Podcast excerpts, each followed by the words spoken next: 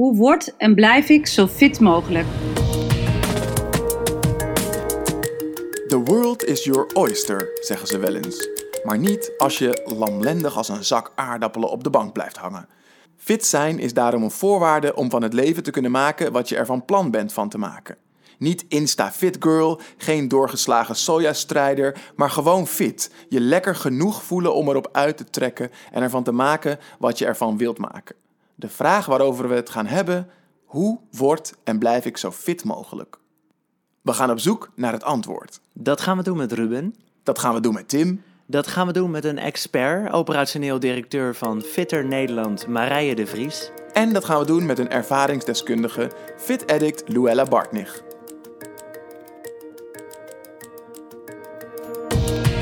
Laat de norm geen uitgangspunt zijn voor je eigen keuzes. En laat je het zicht op jouw idealen niet ontnemen door de waan van de dag. Ontwerp je leven zoals jij dat wilt leven. Wij, Ruben Klerks en Tim Daalderop, gaan in onze podcast samen met experts en ervaringsdeskundigen op zoek naar de antwoorden op de belangrijkste hoe-vragen rond het ontwerpen van je ideale leven.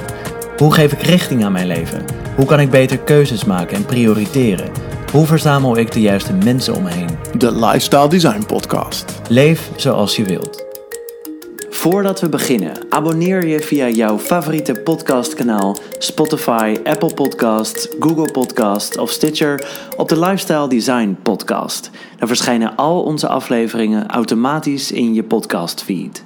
Die afleveringen worden mogelijk gemaakt door onszelf en door onze fans die ons supporten met een paar euro per maand via patreon.com. Wil jij ook onze podcast supporten door patron te worden? Ga dan naar patreon.com slash. Hoe word en blijf ik zo fit mogelijk? Om die vraag beter te kunnen beantwoorden, zijn we eerst even op onderzoek uitgegaan. Daar kwamen een aantal dingen uit naar voren. Fitheid volgens het woordenboek is conditie, energie of het gevoel dat je energiek en gezond bent. En dat gaat dan vooral om drie elementen: slaap en ontspanning, beweging en sporten en voeding. Over slaap. Vergeleken met mannen heeft onder vrouwen een grotere groep symptomen van slapeloosheid, zoals moeite met in slaap komen, moeite met doorslapen en vanzelf vroeger dan gewenst wakker worden. En naarmate die leeftijd toeneemt, worden de verschillen in het al dan niet hebben van symptomen van slapeloosheid tussen mannen en vrouwen groter. Meer dan een kwart, 25,4% van de vrouwen van 18 tot met 25 jaar, heeft moeite in slaap te komen. Bij mannen is dat 19,6%. In slaap komen is voor 19,9% van de vrouwen van 65 jaar of ouder een probleem, tegenover 8% van de mannen. Over beweging. In 2018 deed 53% van de Nederlanders van 4 jaar en ouder één keer per week of vaker aan sport. Het percentage wekelijkse sporters is bij mannen 53%, bij vrouwen 54%. In 2018 sporten Nederlandse jongeren, 12 tot en met 17 jaar, het meest met 75%. Gevolgd door kinderen, 4 tot en met 11 jaar. 60%. En dan volwassenen, 18 tot met 64 jaar, 55%. Tot slot ouderen, 65 jaar en ouder, 37%. In 2018 was het percentage wekelijkse sporters van 25 jaar en ouder in Nederland twee keer zo hoog onder hoger opgeleide als onder lager opgeleide. In 2017 brachten Nederlanders van 4 jaar en ouder dagelijks gemiddeld 9 uur zittend door. In het weekend zitten Nederlanders gemiddeld anderhalf uur minder per dag dan door de week. Mannen zitten dagelijks gemiddeld langer dan vrouwen. Nederlandse jongeren, 12 tot en met 17 jaar, zitten dagelijks gemiddeld het meest. Dan over voeding. Het Voedingscentrum en de World Health Organization adviseren om 450 gram groente en fruit per dag te eten, waarvan 250 gram groente en 200 gram fruit. In werkelijkheid eten Nederlanders 253 gram groente en fruit in totaal per dag, waarvan 131 gram groente en 113 gram fruit. Veel te weinig dus. Dan, de helft van de Nederlanders is te zwaar. In 2019 had 50,1% van de Nederlanders van 18 jaar en ouder matig of ernstig overgewicht. Overgewicht komt vaker voor bij mannen dan bij vrouwen. Bij obesitas, ernstig overgewicht, is het andersom. Meer vrouwen hebben obesitas dan mannen. In totaal heeft 14,7% van de Nederlanders van 18 jaar en ouder obesitas. Die cijfers zijn gebaseerd op zelfrapportage van lengte en gewicht. Best wel eh, een hoop cijfers die gaan over eh, ja, waar het vooral niet goed gaat. Dus het geeft best wel veel inzicht in hoe groot het probleem eigenlijk is. En een van de eerste dingen die ik dacht: hey, als we dus blijkbaar zo vaak zitten en eh, sommige mensen noemen het toch wel uh, zitten is het nieuwe roken, Ja. toch? Ja. Dan, ehm, en, en dat we dan tegelijkertijd ook constateren uit de cijfers dat we in het weekend minder zitten dan door de week. Gemiddeld negen uur op een dag. Wauw, dat vond ik echt shocking. Ja. Kunnen we dan niet ook een heel groot verschil maken als we dat werk nou eigenlijk gewoon eens aanpakken, veranderen? Minder werken. überhaupt wel een goed idee, Ja, denk ik, als het gaat over gezondheid. Of staatbureaus. Ja, Of van die fietsbureaus. ja die zijn ook leuk. Ja. Maar we kunnen het ook allemaal omdraaien. We kunnen ook zeggen... 49,9% van de Nederlanders van 18 jaar en ouder heeft geen matig of ernstig overgewicht. of eh 24 min 9 is 15 uur per dag zitten we niet. Nee, dan, dan, dan, dan slapen we, maar worden we te vroeg wakker. Ja, Ja. Ja. Ehm, ja. Eh, ja, wat ik wel in- interessant vind aan deze is ehm, als het gaat over fitheid, dat, dat het toch wel terug te brengen is tot eigenlijk hele concrete dingen waar je gewoon aan kan werken. ja, Dus het is niet alleen maar fitheid van de mooi boys in de gym en de strakke buikies eh, op het eh, strand in de zomer. Maar dus slaap, oftewel on- eh, ontspanning, voeding en beweging. Een soort van heilige drie-eenheid. Die, als, je, als je daaraan gaat werken, dan kan je fitter worden. Ja. Met daarbij denk ik wel de kanttekening dat wat jij net noemt, eh, de, de, de, de beach boy met een perfect afgetraind lichaam. ehm, dat beeld, dat schoonheidsideaal, heeft denk ik wel invloed op hoe fit we ons voelen. Ja. Maar ook tegelijkertijd denk ik dat, omdat het zo'n schoonheidsideaal is, dat, dat je een soort van rebounds krijgt die juist ervoor zorgen dat je minder fit leeft. Hè, dus Ja, als jij weer ziet dat het, dat, dat het jou niet is gelukt om eh, vier keer in de week naar de gym te gaan, dan pak je sneller die reep chocolade om, eh, eh, om je frustratie weg te eten. ja of je wil ook die beach boy worden en je rent naar de sportschool. Ja. Nou hebben we daar geen cijfers van, Nee. van, van, van onderzocht, maar ehm, ik denk zeker dat het, dat het meespeelt. Dat een voorbeeldplaatje, dat dat je stimuleert om dat ook na te leven. Maar als het, als het voorbeeldplaatje, als dat image te onrealistisch is of te heftig... Ja, dan frustreert het. Ja, precies. Ja, dus dat denk ik ook. Ehm, en, en dan ook nog, wat bij dat voorbeeldplaatje nooit wordt meegegeven, is hoeveel moeite het kost om daar te komen. Ja. Dus op zich, die sixpack is niet onrealistisch. Maar verwachten dat je dat door twee keer in de week eh 10 minuten eh, push-ups te doen of sit-ups te doen, dat is onrealistisch. Dus je moet er wel wat voor doen. Ja. Ja, Super interessant, denk ik. Daar gaan we het straks ook over hebben met Marije de Vries. Vooral over hoe je ook die fitheid kan eh, implementeren in je dagelijkse eh, gewoontes, in je dagelijkse leven. En eh, dus voorbij dat stukje kan gaan dat je naar de gym moet gaan elke dag. Of, dus hoe kan je het inbrengen in je dagelijks leven? Maar voordat we dat doen, voordat we met Marije de Vries in gesprek gaan, hebben we nog een boekentip voor je. En het is, ja, je, je, als we het hebben over mooi boys, het is een boekentip van Arie Boomsma. Wat? Kan hij ook schrijven? Ja, hij kan ook schrijven. Oh my god! ik, moet je, ik moet je wel waarschuwen. Dit boek heeft een korte naam en het is ook een kort boek. Het heet Fit. Eh, maar het is super leuk om te lezen, omdat het ook op deze drie eh, eh, onderwerpen ingaat. En over hoe je dat in je dagelijks leven kan implementeren. Maar vooral kijkt hij naar hoe kan je er eh, eh, een gewoonte van maken. Dus het is heel leuk eh, om te kijken hoe je eigenlijk clichés over gezonder en fitter leven eh, eh, kunt leren kennen en die vooral eh, kunt benutten. Dus Fit van Arie Boomsma. En we hebben de vraag ook nog even gesteld binnen onze sociale kring. Hoe lichamelijk fit ben jij? Gemiddeld geven die mensen, niet heel representatief voor Nederland, mensen die al actief bezig zijn met het ontwerpen van hun ideale leven, Mensen blijkbaar. zoals jij, die ook naar de Luister zijn podcast luisteren. Bijvoorbeeld. Een 7,5. Je klinkt bijna teleurgesteld. Nee, ik ben niet teleurgesteld. Nee, nee dat interpreteer jij eh, verkeerd. Oké. Of ik eh, kies de verkeerde toon.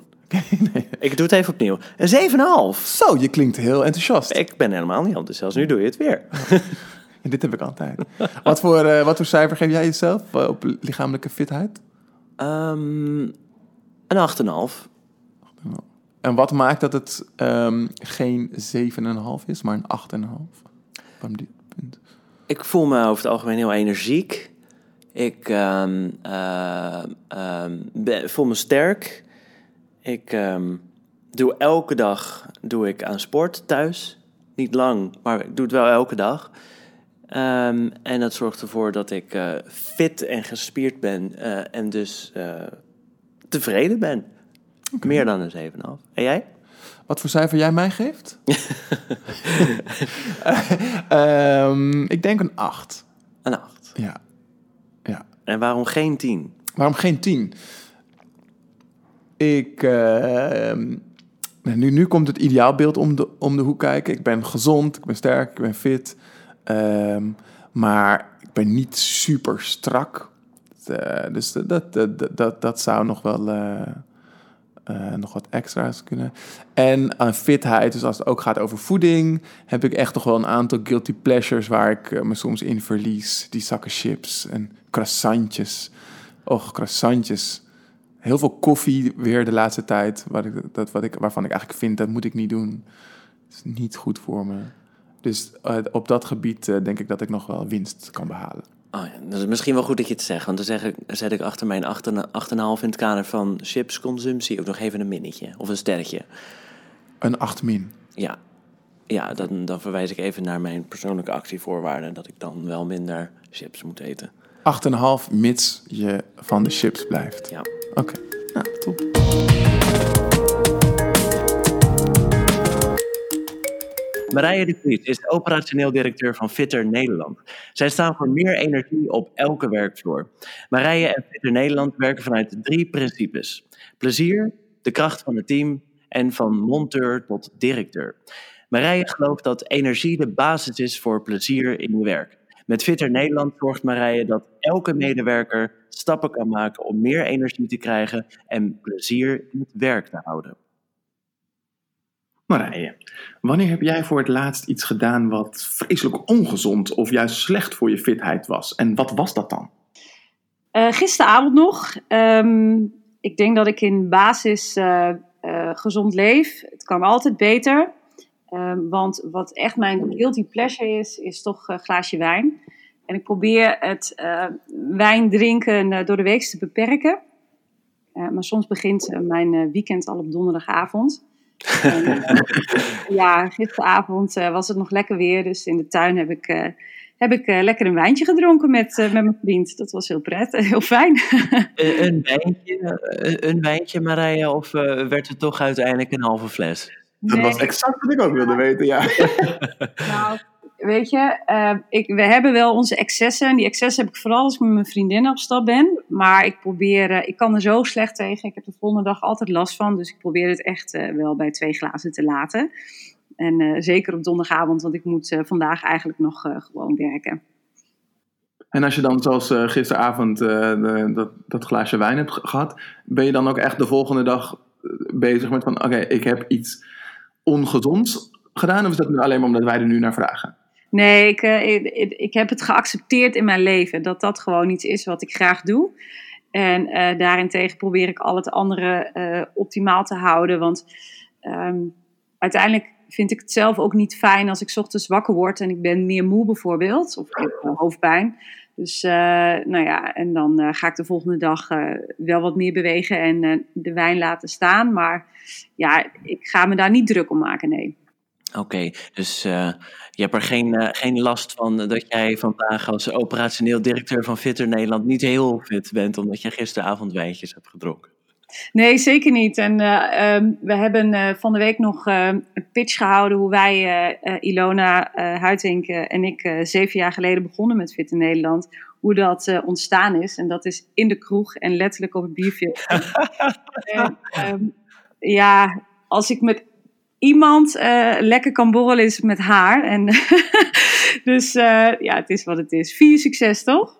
Uh, zeker. Dus de volgende dag was je helemaal kapot, maar had je wel een top idee voor Fitter Nederland. Ja, precies. ja, toen is de naam ook ontstaan, met, echt met letterlijk met een glas wijn in de handen. Dus, ja. Heel fijn. Ja. Hey, en zei je nou dat het één van je guilty pleasures was? Wijn? Nou ja, het is nee, het is denk ik wel uh, degene die ik uh, al, altijd wel uh, probeer te beperken als ik zeg wat ga ik in dit jaar op 1 januari beter doen. Um, nou, ik heb wel wat kleine dingetjes zoals af en toe chocola eten en een beetje snacken. Maar ja, dat, dat vind ik zo heel dat ik dat wijn drinken wel als mijn grootste guilty ja. zie. Ja. Denk je dat, je dat je een fit leven kan leiden met deze elementen? Dus met wijn en een chocolaatje? En... Het moet. Het kan niet. Ja, toch? Ja. ja het moet, want een van die drie dingen die we ook net uh, uh, bespraken is plezier. Tuurlijk, ja. Um, nou ja, kijk, als je naar gedragsverandering kijkt, um, ons brein, we worden gevoed door ons brein doordat we reageren op eten en op drinken, maar ook op uh, seks en eigenlijk heel veel dingen die het leven heel leuk maken. Dus je kan dat eigenlijk ook niet negeren, natuurlijk. Nee, precies, ja. Hoe, hoe zit dat dan met het spanningsveld tussen fit zijn en plezier hebben? Hoe kan je die twee dan het beste verenigen met elkaar? Ja, dat is denk ik ook de grootste uitdaging um, om het in balans te houden. En veel mensen zien dat als een proces wat moet leiden tot een doel, terwijl het een dagelijkse taak is voor altijd. En ik denk als je dat snapt, dat um, je eh, heel gezond uh, kan leven en uh, ook kan genieten van, van de lekkere dingen en leuke dingen. Um, ja, en als je kijkt ook hoe, hoe dat werkt, dan ga je toch weer terug naar onder andere het bioritme en je eigen levenritme. En als je zoveel mogelijk gestructureerd leeft, um, dat gaat tot microniveau op wanneer sta je op, wat eet je dan, wat eet je als tussendoortje, maar ook je beweegmomenten plannen in een ritme. Uh, altijd op maandagavond 7 uur sportje. Uh, je pakt uh, de fiets naar je werk. Tot aan je ontspanningsmomenten plannen. Ehm, ik heb altijd na 8 uur mijn mobiel uit. Of ik probeer om 10 uur s'avonds naar bed te gaan. En ik probeer op die momenten in de dag mijn rust te pakken. En ook je ontspanningsmomenten te plannen. zoals ik ga van de maandag tot donderdag niet drinken. Vrijdag uh, is uh, mijn stapavond. Ik probeer op zondagmiddag altijd met vrienden af te spreken. En dan maak ik een fijn moment van. Maar ja, de grootste uitdaging zit dat het leven geen vast ritme is. je moet ook flexibel en wendbaar kunnen zijn, zeker in deze tijd.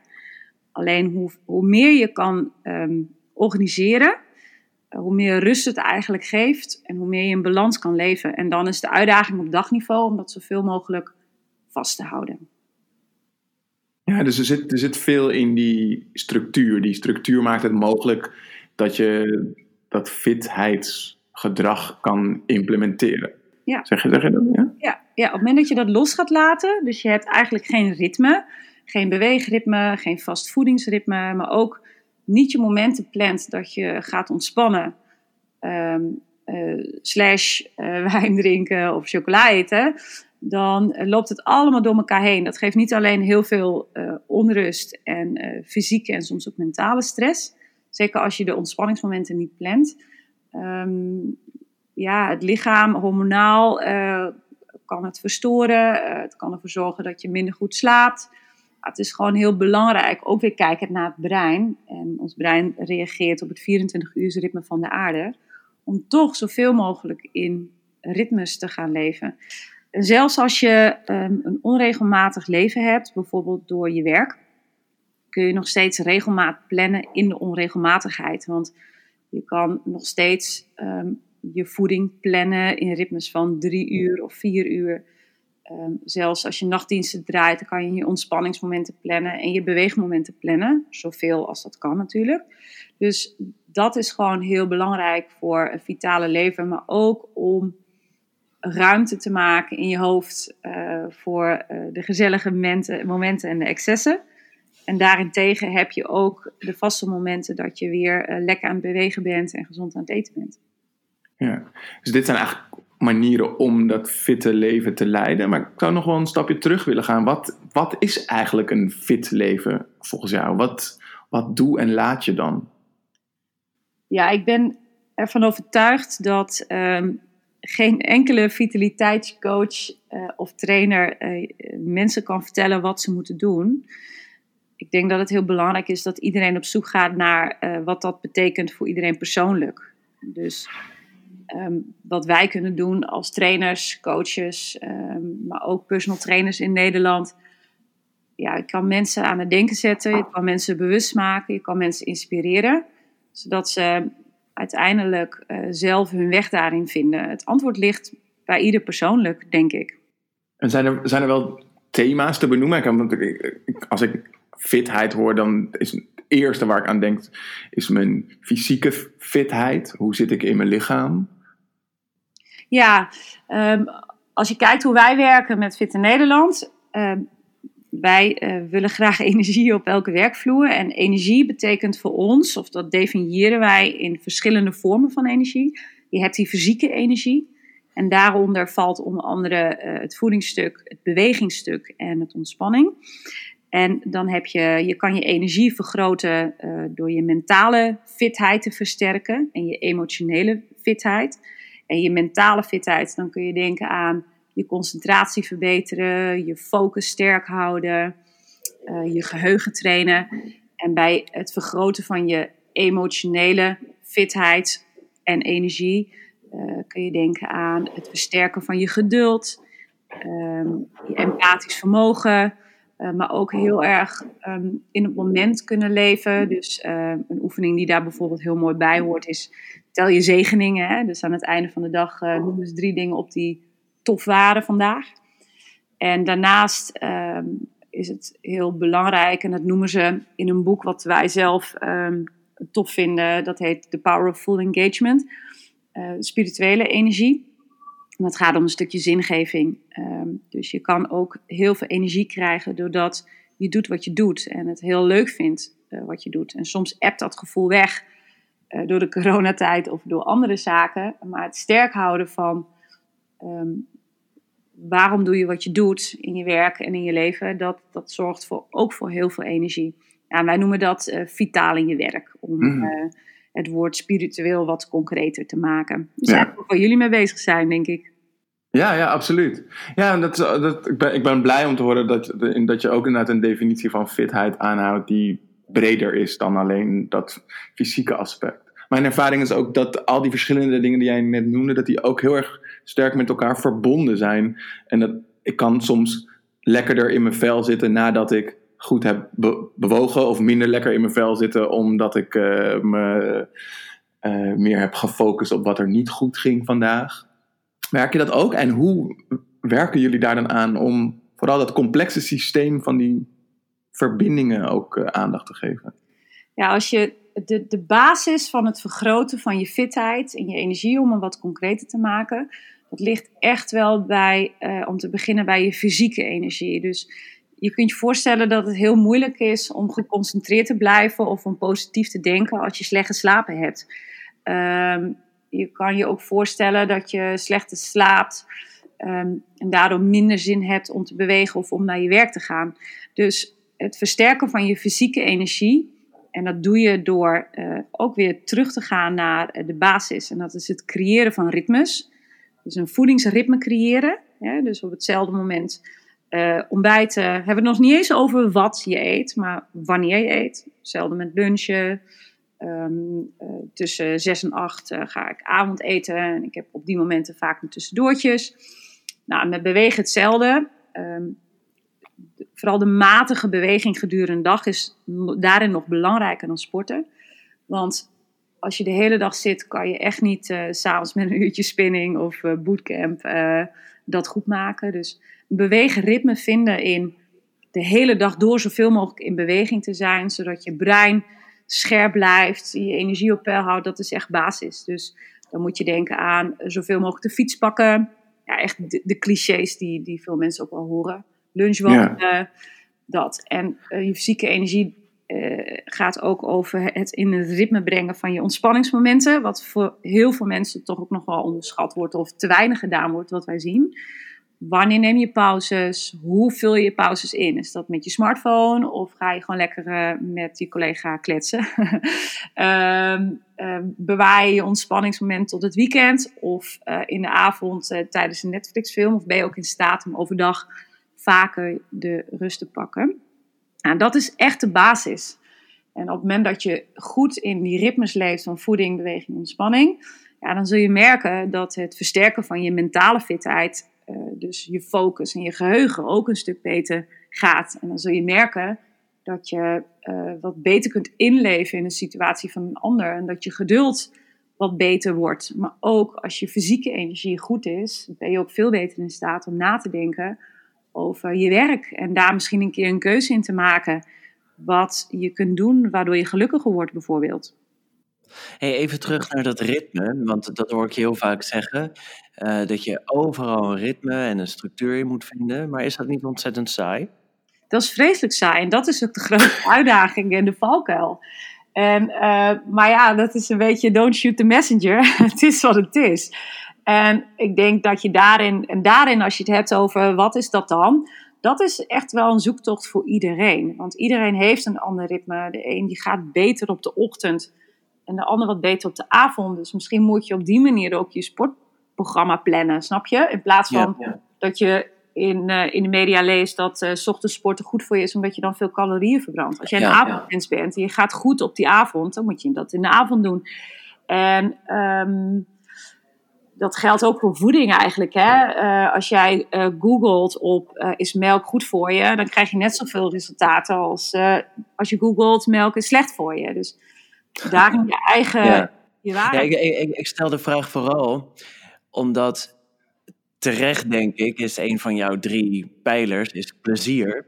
En ik kan me namelijk ook heel goed voorstellen dat um, die saaiheid in die structuur en dat ritme ook wel je vermogen om het allemaal vol te houden in de weg kan zitten.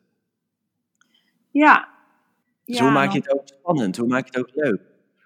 Ja, ik denk wel, maar dat is ook nergens op gebaseerd hoor. Dat is puur gebaseerd op onze ervaring. Dat de meeste mensen toch wel echt het lekkers gaan op een ritme. Dat, kijk maar terug naar bijvoorbeeld als jij uh, op vakantie bent geweest. Is het toch vaak weer fijn dat je thuis weer in een bepaalde structuur of uh, ritme komt. En er zijn echt mensen die, die dat echt minder hebben en mensen die dat heel uh, veel hebben of heel fijn vinden. Maar in basis uh, knappen de meeste mensen er wel van op als ze een bepaalde structuur aan houden. Um, ik denk dat dat vooral gevoed wordt doordat je het doet. Dat zit dan heel erg eerst in je verstand, omdat je denkt ik moet het doen omdat het goed is tot het moment dat je merkt dat je meer energie krijgt. En dan heb je wel de motivatie om het vast te houden. Um, maar ja, alles gaat, als het om gedragsverandering gaat, alles wat je wil veranderen kost energie, kost tijd, is frustrerend, is moeilijk en gaat met vallen en opstaan. En dat geldt eigenlijk met dit ook. Ja. ja, dus eigenlijk als je in een soort van flow kan komen, dan is, dan is dat ook ritme. En, en ik hoor, hoor je zeggen dat het dus belangrijk is om ook te zoeken naar wat jouw eigen ritme al is. En ja. daarop aan te sluiten. Dat houdt het ook leuker. Klopt dat? Ja, zeker. Kijk vooral ook naar wat al goed gaat. Hè? En probeer te tweaken in, in, in de basis die je nu al hebt staan. En waar je heel gelukkig van wordt. Dus ik zal vooral niet alles omgooien. Uh, zeker niet. Um, nee. En ik denk wel, kijk, dat boek, The Powerful Engagement, dat is wel echt een tof boek, vinden wij. Die zegt ook: uh, Life is not a marathon, it's um, a set of sprints. En dat is wel, um, wel hm. belangrijk, denk ik. Dat veel mensen rennen door het leven heen.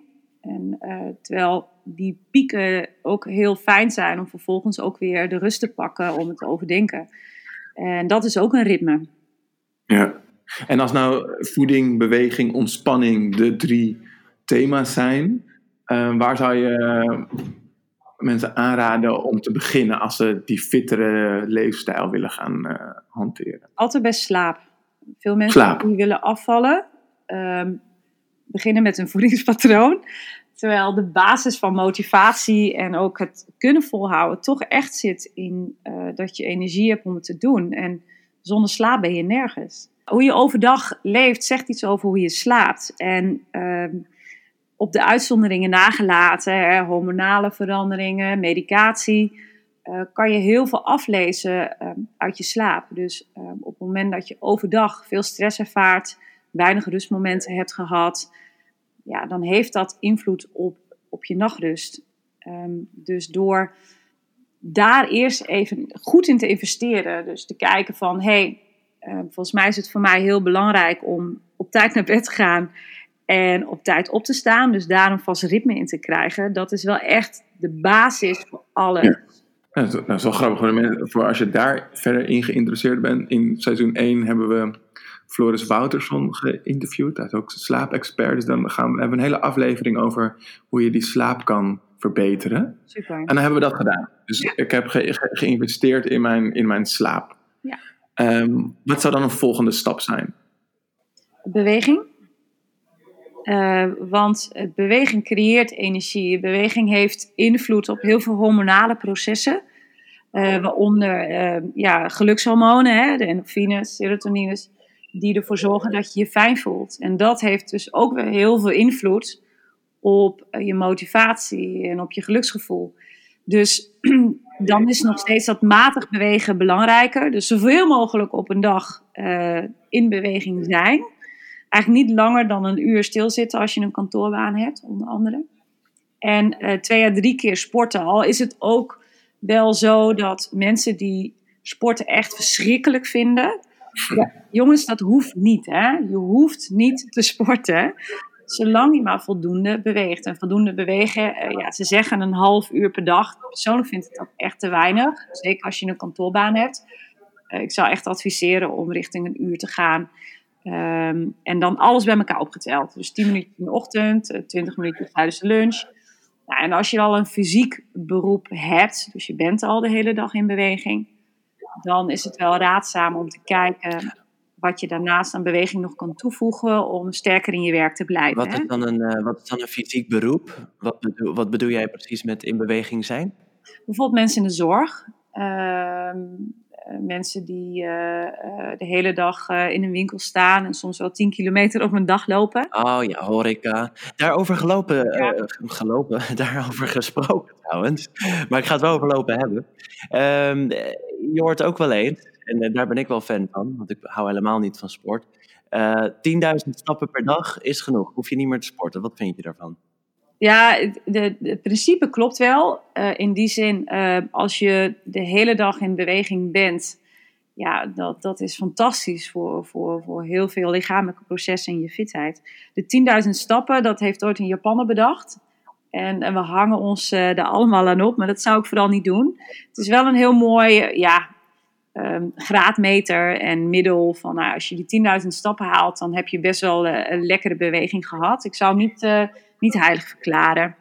Het beter is nog de hele dag door in beweging zijn. Dus de 10 minuutjes hier, de 5 minuutjes daar, het kwartiertje daar. Dan dat je de hele dag zit en het probeert goed te maken met één uur wandelen bijvoorbeeld. Ja, ja dus want zeg jij dat je dat sporten, fitness, kunt vervangen door de hele dag door bewegen? Minimaal een uur. Ja, er zijn een aantal redenen waarom je het sporten wel zou kunnen toevoegen aan je leefritme. En dat is als je bijvoorbeeld wil afvallen. Um, je, je wil het doen om esthetische redenen, hè? dus uh, uh, strakker worden, slanker worden, meer spieren. Um, en het is wel echt heel belangrijk als je dus een fysiek beroep hebt, dat je sterker bent in je werk.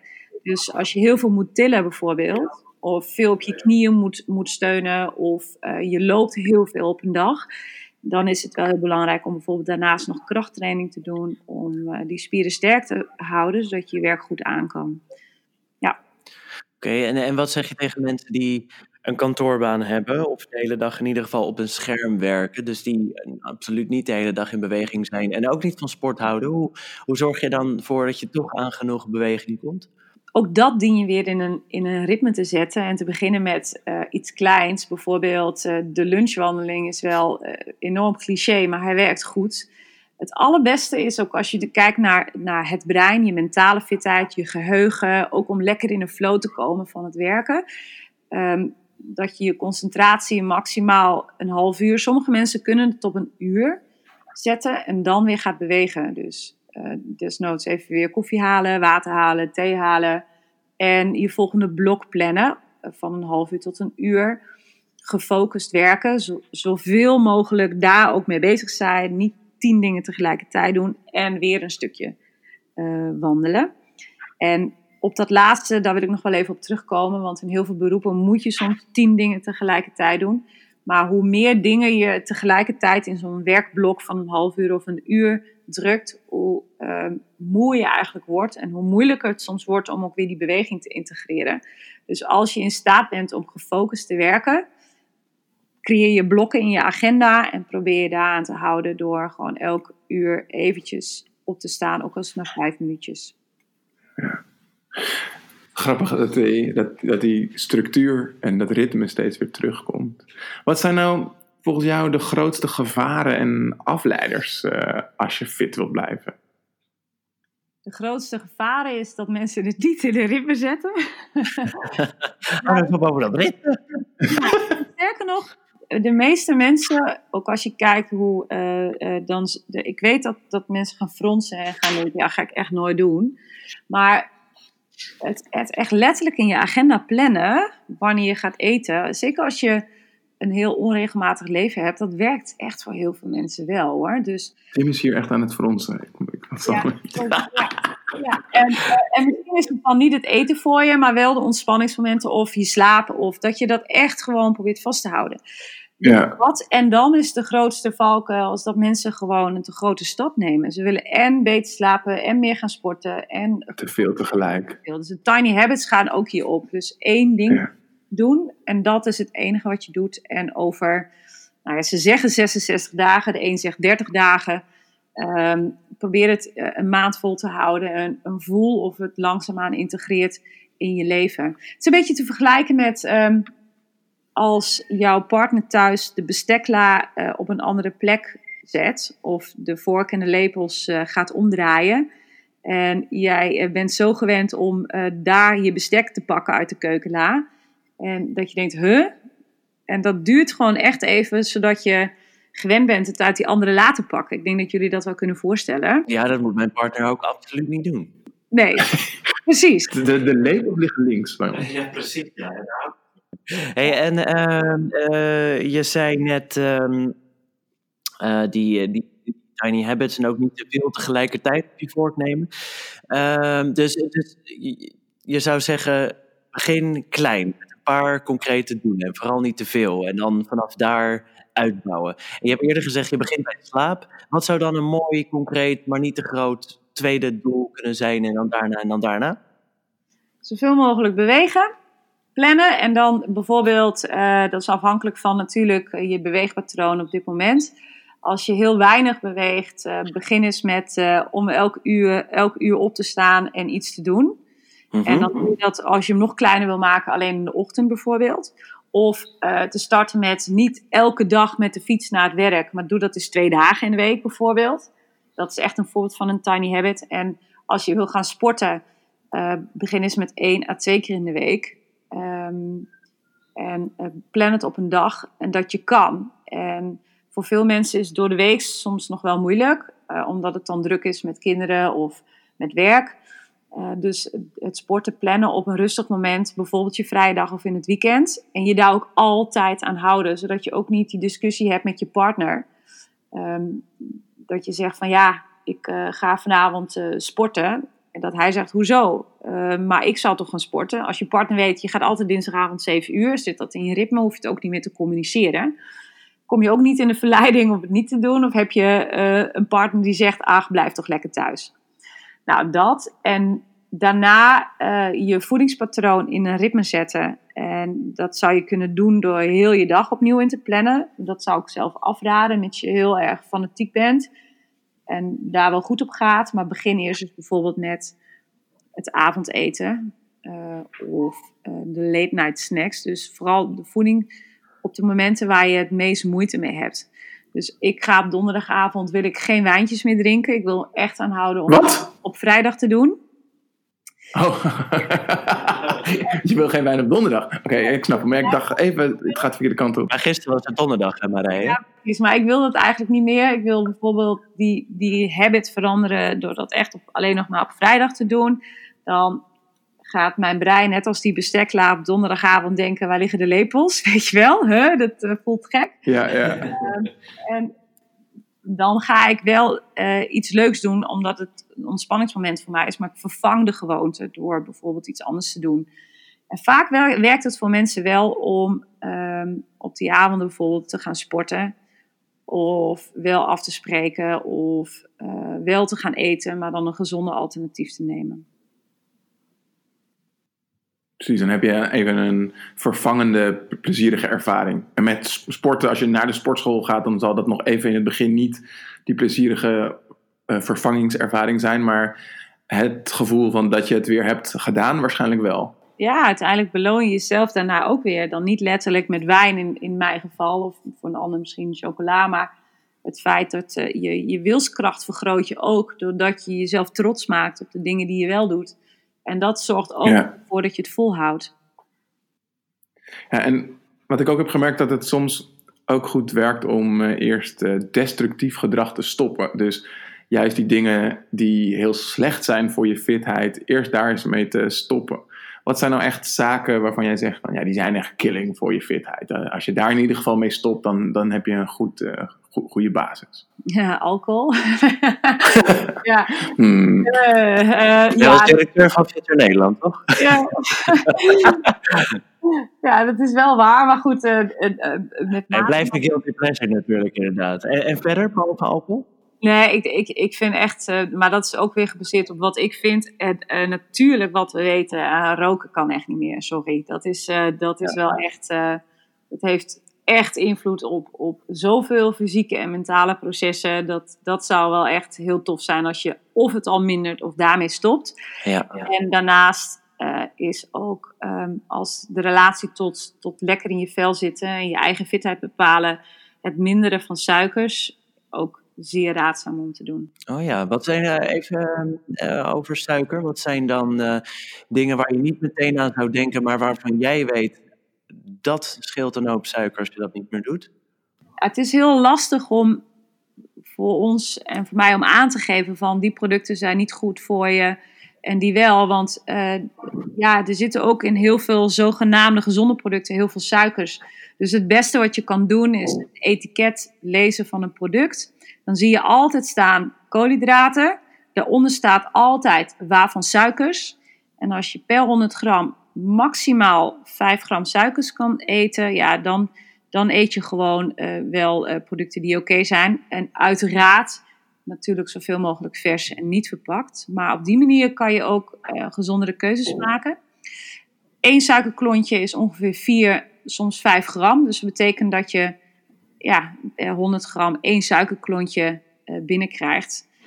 Nou ja, als je... Nog best wel veel. Ja, best wel veel. En, en het Diabetesfonds zegt dat uh, een Nederlander gemiddeld uh, 25 tot 30 suikerklontjes per dag binnenkrijgt. en, uh, door dus dat is 125 gram. En dat ja. is zonder blikje cola drinken? Ja, dat is, ja, dat, ja, nou, dat, dat, dat, ja, maar ook bijvoorbeeld een fit. Veel mensen denken dan, oh, een Vivit, dan zit ook gewoon zeven suikerklontjes in. En um, kijk naar ketchup bijvoorbeeld, met twaalf suikerklontjes. Of uh, het is so, soms heel lastig om te zeggen, dat is niet goed en dat wel. En daarom is dat etiketten lezen zo belangrijk. Dat wil niet zeggen dat je helemaal geen suikers meer binnen hoeft te krijgen, want van suiker krijg je ook energie. Um, zeker ook als je veel beweegt is het belangrijk om voldoende energie te nuttigen. Alleen elke keer die suikerklontjes die toegevoegd zijn aan producten, dat, dat sloopt gewoon je lichaam en dat creëert ja, gewoon heel veel vermoeidheid. Ja. Nou, nou, goede tip. Dankjewel Marije. Oké, okay, dus als wij uh, aandacht besteden aan ons ontspanning, beweging en voeding, dan kunnen we een fitter leven leiden. En de tiny habits zijn belangrijk. Hè? Dus dat echt, dat begin klein en blijf dicht bij jezelf. Ja, mooi. Top, dankjewel. Elke aflevering hebben we een verhaal voor je. Een verhaal van iemand die iets bijzonders heeft meegemaakt en dat met ons, dus ook met jou, wil delen. Luella Bartnig leefde tot 2013 een ongezond leven. Dat moest anders. Ze gooide alle ongezonde dingen het huis uit, stopte met roken en drinken en zette voor het eerst voet in de sportschool. De eerste keer ging ze met haar vriend mee. Zenuwachtig dat ze was. Ze wist totaal niet wat ze moest verwachten van een sportschool. Inmiddels is ze om en gaat ze dagelijks naar de sportschool. Hoe ging Luella van ongelukkig op de bank naar fitnessverslaafde? Hoe het gekomen is dat ik zo'n fan van fitness ben geworden? Nou, ik heb uh, eigenlijk nooit wat met fitness gehad en eigenlijk ook nooit wat met sport gehad. Uh, ik had eigenlijk een hele erg afkeer ervan en uh, ja, ik deed er liever niks aan. Tot ik mijn huidige vriend ontmoette. Ik, hij deed heel veel fitness en sporten en op een gegeven moment ja, was ik gewoon helemaal klaar met hoe ik eruit zag, met mijn lichaam, met uh, ik ging mezelf verstoppen op een gegeven moment. Ik pakte een kussen als ik ergens ging zitten om het voor mijn buik te houden. En er gebeurde zoveel dingen dat ik echt dacht: dit kan gewoon niet langer zo. Ik kan gewoon niet meer mezelf zijn. Ik zit gewoon echt niet meer lekker in mijn vel. En toen begon ik dus, nou, ik zei tegen nou, ga ik wel een keer met jou mee naar de fitness, kijken hoe ik dat vind. En uiteindelijk. Uh, nou, na één keer dacht ik, oh, wat is dit? Waarom vinden mensen dit leuk? En ik kon het gewoon niet bevatten, weet je wel. En uh, op een gegeven moment uh, dacht ik van ja, uh, ik uh, werd een foto van mij gemaakt rond de feestdagen eind 2013. En ik zag op een gegeven moment die foto terug en ik kreeg gewoon echt schrik van mijn leven. Ik zag mijn gezicht was gewoon zo groot. Ik had een hele grote onderkin en ik dacht echt, oh, wil ik zo verder? Ik denk nee, dit gaat helemaal de verkeerde kant op. Dus ik dacht echt, oké, als ik het nu, als ik nu ga veranderen, want ik heb natuurlijk heel veel diëten en dingen geprobeerd om uh, mijn uh, ja, overtollige kilo's kwijt te raken, maar niks hielp uiteindelijk. En ik dacht nu echt van, ja, weet je, nu is het gewoon klaar. Ik had zo'n grote drive en zo'n grote motivatieboost gekregen, omdat ik niet langer zo verder wilde leven, dat ik uh, begin 2014 gewoon echt zoiets had van, ik ga er nu volledig voor. Ik rookte nog. Um, ik rookte 28 sigaretten in anderhalve dag weg. Ik dronk ieder weekend uh, sterke drank, uh, whisky. En uh, ja, dat heb ik toen allemaal gewoon eigenlijk best wel cold turkey aan de kant gezet.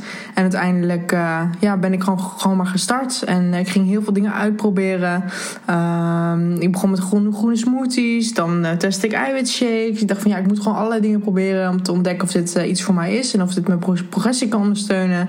Nou, en op een gegeven moment ging ik naar de sportschool. En ik ik leerde ervan, ervan te houden. Zeg maar. Ik denk, ja, ik moet gewoon doorzetten en kijken hoe dit op de lange termijn zich ontwikkelt. En op een gegeven moment. Uh, ja, één keer per week werd twee keer, twee keer werd drie keer. En uiteindelijk uh, stond ik zo'n vijf tot zes keer per week in de sportschool. Uh, ik stelde een doel om voor de zomer 10 kilo kwijt te raken. En uiteindelijk uh, was het er binnen nou, drie, vier maanden was het er al af. En dat gaf me zo'n enorme boost dat ik echt dacht, oké, ik kan dit. Weet je? En toen ging ik een nieuw doel stellen. Um, ik dacht, ik ga er nu gewoon volledig voor. Ik was helemaal fan geworden van fitness, van krachttraining. En ja, toen had ik een doel gesteld voor een, voor een sixpack. En die heb ik toen uiteindelijk ook anderhalf jaar later behaald. Dus dat, uh, ja, dat ging uh, helemaal uh, into fit addict, zeg maar, fit verslaafde. En dat is ook waar mijn naam dan vandaan komt. Maar ja, dat is eigenlijk een beetje die aanleiding hoe ik zo fanatiek ben geworden in de fitness. Nou, voordat ik echt met fitness begon, had ik eigenlijk meer een afkeer van fitness dan dat ik echt zie dat van oké, ik ga dit doen. Ik ehm, nou, ik zag dus dat mijn vriend daarmee bezig was. En voordat ik hem uh, leerde kennen, was ik echt totaal niet bezig met sport. Ik had er echt gewoon een hekel aan. Uh, begon natuurlijk al op, school, op de middelbare school. Nou, moest je natuurlijk verplicht uh, meedoen aan de gymlessen en dergelijke. Ik was altijd de slechtste erin. En ik werd altijd als laatste gekozen bij, bij alle opdrachten en dingen die we samen moesten doen. want ik was gewoon niet in shape. Ik kon nog geen rondje rennen zonder helemaal buiten adem te zijn. En nee. Ik vond het vreselijk. Ik deed helemaal niks aan sport. Ik deed af en toe een keer, nou, ging ik met een vriendin mee badminton of zo. Ja, gewoon van die vage dingen waarvan je echt denkt, ja, dat is niet echt sport.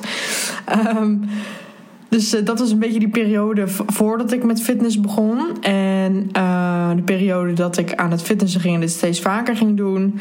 Toen toen ik uiteindelijk merkte wat het met mijn lichaam deed. Ik zag de veranderingen. Ik, ik voelde me op een gegeven moment zoveel beter dat ik echt dacht: wow. Ik wist niet dat dit het effect was van sporten. Weet je wel? Het eerst, eerst stel je natuurlijk gewoon doelen dat je gewoon je wil afvallen of heel fit te worden of weet ik veel wat. En dan is vaak het lichaam, zeg maar, uh, het uitgangspunt. Je wil gewoon er mooier uitzien of zo. Je wil gewoon een beter lichaam. Maar voordat je echt begint met fitness, weet je niet wat het mentaal allemaal met je doet. Uh, want toen ik steeds vaker ging sporten, uh, nou uiteindelijk ik doe alleen maar krachttraining. Uh, af en toe cardio natuurlijk om conditie op peil te houden, maar krachttraining is het voornamelijkste wat ik dan doe. Ehm, en daarin merkte ik gewoon heel erg dat ik echt kon groeien. Dat ik mezelf kon pushen. Dat het uh, ging om PR's zetten. En dat ik voor mezelf ook ging zeggen: Oké, weet je, ik ga, wil echt gaan voor een squat van, weet ik veel, 80 kilo, 90 kilo. uiteindelijk ging dat steeds verder. Dat ik echt dacht: Oh, tot, hoe ver, tot, tot wat ben ik echt in staat? Weet je? En doordat je dat in de fitness meemaakt, ga je ook zo denken. Um, in het normale leven. Dus als er een keer een obstakel is, of een persoonlijke uitdaging, of iets moeilijks komt op je pad, dan is het veel makkelijker om daarin een soort uh, meegaandheid en een soort veerkrachtigheid te hebben. Van goh, weet je, ik kan dit. Ik, ik, ik voel dat ik ook deze moeilijke obstakels gewoon uh, niet uit de weg hoef te gaan, maar dat ik er doorheen kan. Weet je, ik, ja, dat is gewoon echt wat ik met fitness ook echt gewoon heb geleerd. Is dat je gewoon. Um, ja, daarin heel erg kan groeien en ontwikkelen. En dat heeft mij echt tot een heel veel sterker persoon, uh, persoon gemaakt. Um, en daar ben ik tot op de dag van vandaag nog heel erg dankbaar voor. En ik leer nog steeds iedere dag over fitnessvoeding, alles. Het, uh, het is eigenlijk iets wat nooit ophoudt. En het is ook niet iets waarvan ik wil dat het ophoudt, omdat het gewoon, ja. Het, het, voelt gewoon goed om daarmee bezig te zijn. En iedere dag leer je weer wat nieuws over je lichaam. En leer je daar beter op in te spelen. Er zijn gewoon een aantal dingen die ik uh, hiervan geleerd heb. En gewoon echt een aantal hele mooie dingen. Uh, sowieso als ik gewoon kijk naar krachttraining op zich. Dat heeft gewoon echt mijn leven veranderd. zoals ik net ook al zei. Weet je, toen ik dat doel had gesteld om 10 kilo af te vallen. En dat al binnen ja, een paar maanden gerealiseerd was. Nou, dat had ik nooit verwacht. Want ik kon gewoon niet afvallen. Dacht ik altijd echt. Ik, uh, ja, ik was er zo van overtuigd. Tot ik mezelf dus liet zien dat het wel degelijk kon. Weet je, dat ik het wel degelijk in me had om te kunnen veranderen. Um, en dat gaf mij ook het inzicht dat je dat mindset ook gewoon heel veel doet. Ik kwam uit een omgeving waarin het gewoon elke keer heel onrustig was. Er was veel, waren veel problemen, veel zorgen, veel stress. Um, en daardoor greep ik dus ook steeds naar de alcohol of naar sigaretten of naar ongezond eten. Om dat maar te onderdrukken en om toch een beetje comfort te zoeken, zeg maar, in. Um, in al die struggle. Um, maar toen ik uiteindelijk krachttraining ging doen, en mijn leefstijl ging veranderen, toen zag ik dat dat niet nodig is uh, om je beter te voelen. Want krachttraining op zich, als ik me nu gewoon verrot voel, of als ik gewoon echt even een mindere dag heb, dan duik ik de gym in, of doe ik een intense workout, of ga ik een stukje wandelen, of. ja, dan maak ik hele andere keuzes. En dat werkt nu voor mij nog beter dan dat ik me ga vol zitten stouwen, omdat het juist averechts werkt. Maar goed, uh, het heeft gewoon gezorgd overal voor meer zelfverzekerdheid. Ik uh, voel me nu gewoon echt. Uh, tien keer zelfverzekerd. Want wat ik net ook al zei, ik ging mezelf verstoppen. Deed een kussen voor mijn buik. Uh, dat soort dingen. En nu ja, ben ik gewoon echt mezelf. En dat laat zich gewoon zien in alles. En dat is zo mooi. Weet je, als ik terugkijk, dan denk ik echt... Oh, ik ben zo uit mijn schulp gekomen. En ook gewoon qua houding. Weet je, mijn schouders die eh, staan nu altijd naar achteren. En uh, ik, ik, ja, ik sta er niet meer zo verlegen bij, zeg maar. Ik probeer mezelf niet uh, weg te cijferen, zeg maar, in een massa. Maar nee, ik mag er zijn, weet je. Dat is gewoon echt een hele mooie ontwikkeling. Um, daarbij ook, weet je, door al die ontwikkelingen, door al die obstakels te overwinnen, door de uitdaging van het krachttraining en door. Uh, die kilo's te verliezen, ontwikkel je gewoon een soort, nou ik noem het dan de ik kan het mindset. Omdat je gewoon echt gelooft dat als je dit kan, dit was voor mij de grootste struggle van mijn leven. Um, ja, mijn overgewicht, zeg maar. En nu ik dat heb overwonnen, lijkt niks meer onmogelijk. Alles kan. En alles kan echt als je je daar mentaal helemaal toe zet. Daar geloof ik echt in. Dus dat was echt ook een hele mooie ontwikkeling. En daarbij ook, uh, uh, ik ik kan me nu ontspannen door uh, de krachttraining, door de sport. Um, als ik bijvoorbeeld een hele dag, een hele drukke werkdag heb gehad, dan kan ik echt niet wachten om lekker naar de gym te gaan en om uh, daar alles eruit te laten, zeg maar. Stress, spanning, werkdruk, whatever. Ik ga lekker trainen en ik gooi daar er gewoon helemaal uit. Uh, daarbij natuurlijk wat ik net ook al zei, discipline doorzetten, doorzettingsvermogen. Dat is echt uh, ja, bij mij heel erg gegroeid. Ik had het nooit. In ieder geval, ik dacht dat ik het niet had. Maar ja, surprise, surprise, ik heb het toch. Uh, en dat komt dus gewoon door echt weten wat je wil, er keihard voor gaan. Ehm, continu stappen zetten, uh, ritme regelmaat, doen wat bij je past, het leuk vinden. Daarom zeg ik altijd, mensen hoeven geen fitness te doen. Mensen hoeven niet te doen wat ik doe. Mensen moeten doen wat bij hun past. En als dat voor, die, voor iemand is, bijvoorbeeld tennissen of zwemmen of iets anders. Je moet altijd doen waar je blij van wordt. En dat is ook um, ja, waardoor je het uiteindelijk gewoon vol gaat houden. En uh, ja, dat is een beetje hoe het mijn leefstijl heeft veranderd. En ik ben gewoon heel blij met de ontwikkelingen die het me allemaal heeft, uh, heeft geboden. En uh, ja, ik hoop dat ik hiermee ook anderen kan inspireren. En ja, kan laten zien dat alles mogelijk is als je je mindset, als je je mind zeg maar toezet. En ja, dat is eigenlijk een beetje mijn message to the world.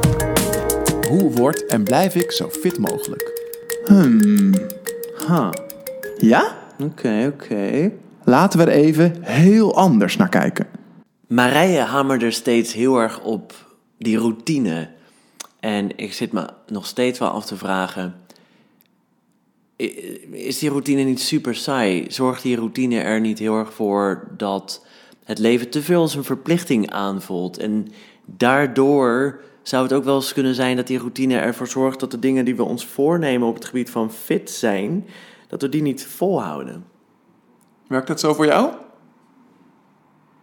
Ja, ik beredeneer dit een beetje vanuit mezelf ook ja. inderdaad. Dat ik, ik um, zodra iets routine wordt, dan merk ik dat ik het juist niet meer volhoud. Tenzij het iets is wat zo leuk is dat je, dat, dat je daar helemaal geen drempel voor over hoeft. Maar ja, zodra het sleurig aan begint te voelen, dan, dan hou ik het niet meer vol. Dus ja, ik denk dat dat niet alleen voor mij geldt. Dat het belangrijk is om binnen die routine dan wel te zorgen voor avontuur, speelsheid.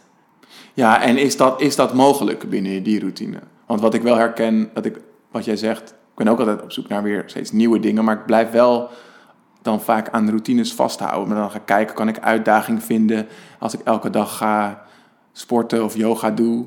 Hoe kan ik dan weer een andere workout doen? Of uh, hoe kan ik mezelf nog verder pushen? Maar in, ik blijf nog wel in diezelfde routine. Maar jij laat dan ook echt die routine, routine los? Uh, nee, ik bedoel hetzelfde wel als jij. Dus ik neem me bijvoorbeeld voor elke dag wil ik, voor, uh, wil ik als onderdeel van mijn ochtendroutine wil ik ook even sporten. Maar als ik drie dagen achter elkaar hetzelfde YouTube-filmpje uh, volg om te sporten, dan, dan merk ik dat ik daar zo tegenop ga zien dat ik het ook niet meer doe. Dus ik moet wel elke één of twee dagen het liefst um, dan iets nieuws bedenken binnen dat sportdeel. Ja, precies. Ja, dat, dat, dat herken ik ook wel inderdaad. Ja, ja dus we zeggen, um, routine is oké, maar je moet wel ja.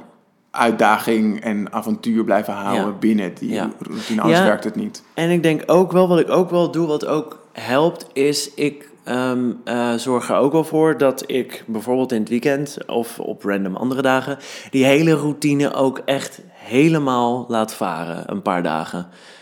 Ja, dat, dat, dat doe ik ook, maar ik kom er steeds meer op terug, merk ik. Of, nou, ik weet het nog niet, ik weet niet of ik erop terugkom, maar bijvoorbeeld in het weekend doe ik heel veel van die dingen niet.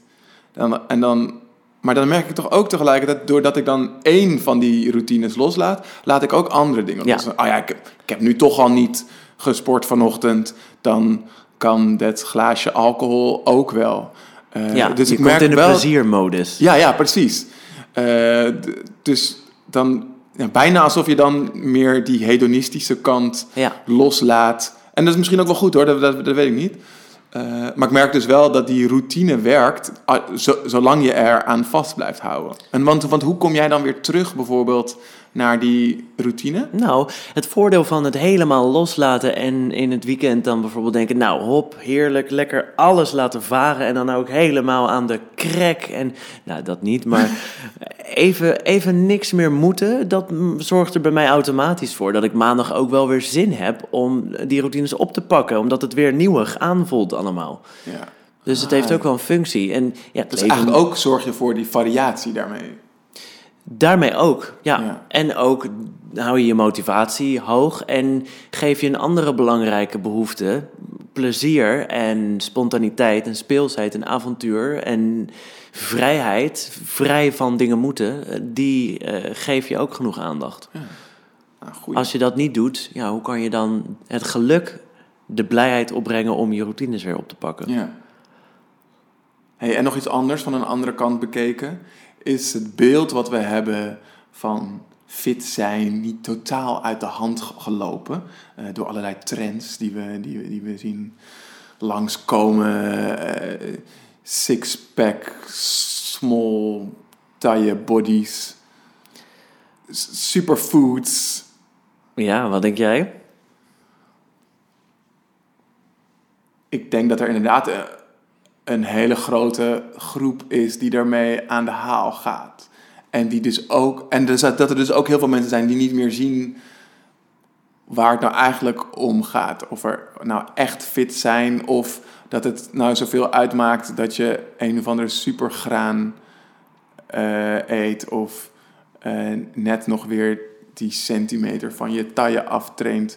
Dus ik denk dat het al heel gauw gaat. Ik denk op het moment dat het gaat over hoe anderen naar jou kijken, of wat, wat, wat anderen ervan vinden, dat je misschien al een grens over bent gegaan naar in hoeverre is het voor jou goed en gezond. Ja. Ja, ik denk wel dat body shaming daar wel eh, een eh, gevolg van is. Van ja, die soms wat doorgeslagen, dat doorgeslagen ideaalbeeld van hoe je. Ja, eigenlijk vooral, echt, daar, misschien is dat ook gewoon een probleem. Dat het te vaak gaat over hoe je lichaam eruit ziet. Weet In plaats van hoe het voelt of in wat voor staat het is. ja, je kan prima eh, een klein buikje hebben en je hartstikke fit voelen. Maar het gaat te vaak, denk ik, over, over dat fit eruit zien. Het gaat te veel over de esthetische kant, denk Ja. ik. Ja, en dan dus ook weer dat we alles in een hokje stoppen of dat er überhaupt een ideaalbeeld is. Dus als jij Brad Pitt als ideaalbeeld ziet, dan is het nog niet goed zolang je niet er exact Ja. zo uitziet, net, net zo afgetraind bent. Terwijl misschien als jij elke dag naar de gym gaat, is dat al hartstikke goed. En je eet gezond en je slaapt voldoende, dan zou dat al ook oké zijn. Maar dus Ja. nog steeds weer doorbewegen naar, Ja. of door willen bewegen naar. Of je moet gewoon naar Brad Pitt blijven kijken. Want als je nu naar Brad Pitt kijkt, dan, dan is dat niet meer de Brad Pitt van 20, 30 jaar geleden. Ja, dit is duidelijk een voorbeeld wat iemand eh, geeft die in de jaren 80 is opgegroeid. eh, inderdaad, want, want dat is natuurlijk, hij is ook al over de 50. nee, precies. Maar dan, dan, dan, dan op een gegeven moment, als zelfs Brad Pitt niet meer aantrekkelijk genoeg is, dan, eh, dan wordt hij vervangen door iemand anders die dan het ideaalbeeld vertegenwoordigt. Ja. Terwijl, Terwijl dan- dat eigenlijk helemaal niet kan. Ik bedoel, Nee. ja, dat zou het zijn. Als we een podcast konden maken over hoe we onszelf konden vervangen als we op waren gebruikt. Kijk, wij moeten het gewoon met, ons, Ja. met onszelf stellen, Ja. ons, ons hele leven. Terwijl die eh, ideaalplaatjes vervangen we. Als, als inderdaad wat jij zegt, ontzettend oneerlijk wat Ja. we onszelf daarmee aandoen, vooral inderdaad. dom van onszelf dat wij Ja. daar de hele tijd intrappen. Ja. Dus er is, want wie, wie is nu de nieuwe Brad Pitt? Dat moet je niet aan mij vragen. Ik ben een kind van de jaren tachtig. Ik, ik zou, nou, wie? Dat is een vraag aan jou. Wie is nu Ja. de nieuwe Brad Pitt? Ja, en wil diegene meteen een mailtje sturen naar hallo Dan nog even dit. Wij, Ruben Klerks en Tim Daalderop, worden van weinig dingen zo blij als het maken van deze Lifestyle Design podcast. Hoewel wij als lifestyle designers al onze tijd beschouwen als vrije tijd, maken we deze podcast in onze vrije vrije tijd. Met andere woorden, we verdienen er niets mee. Dat vinden we eigenlijk wel fijn, want zo is onze podcast 100% vrij van adverteerders. Dat betekent dat wij kunnen maken wat wij willen maken en jij daarnaar kunt luisteren zonder dat je tussendoor van die irritante reclames hoort. Wil jij ons helpen de Lifestyle Design Podcast advertentievrij te houden en nog beter te maken met nog diepere gesprekken en nog toffere gasten?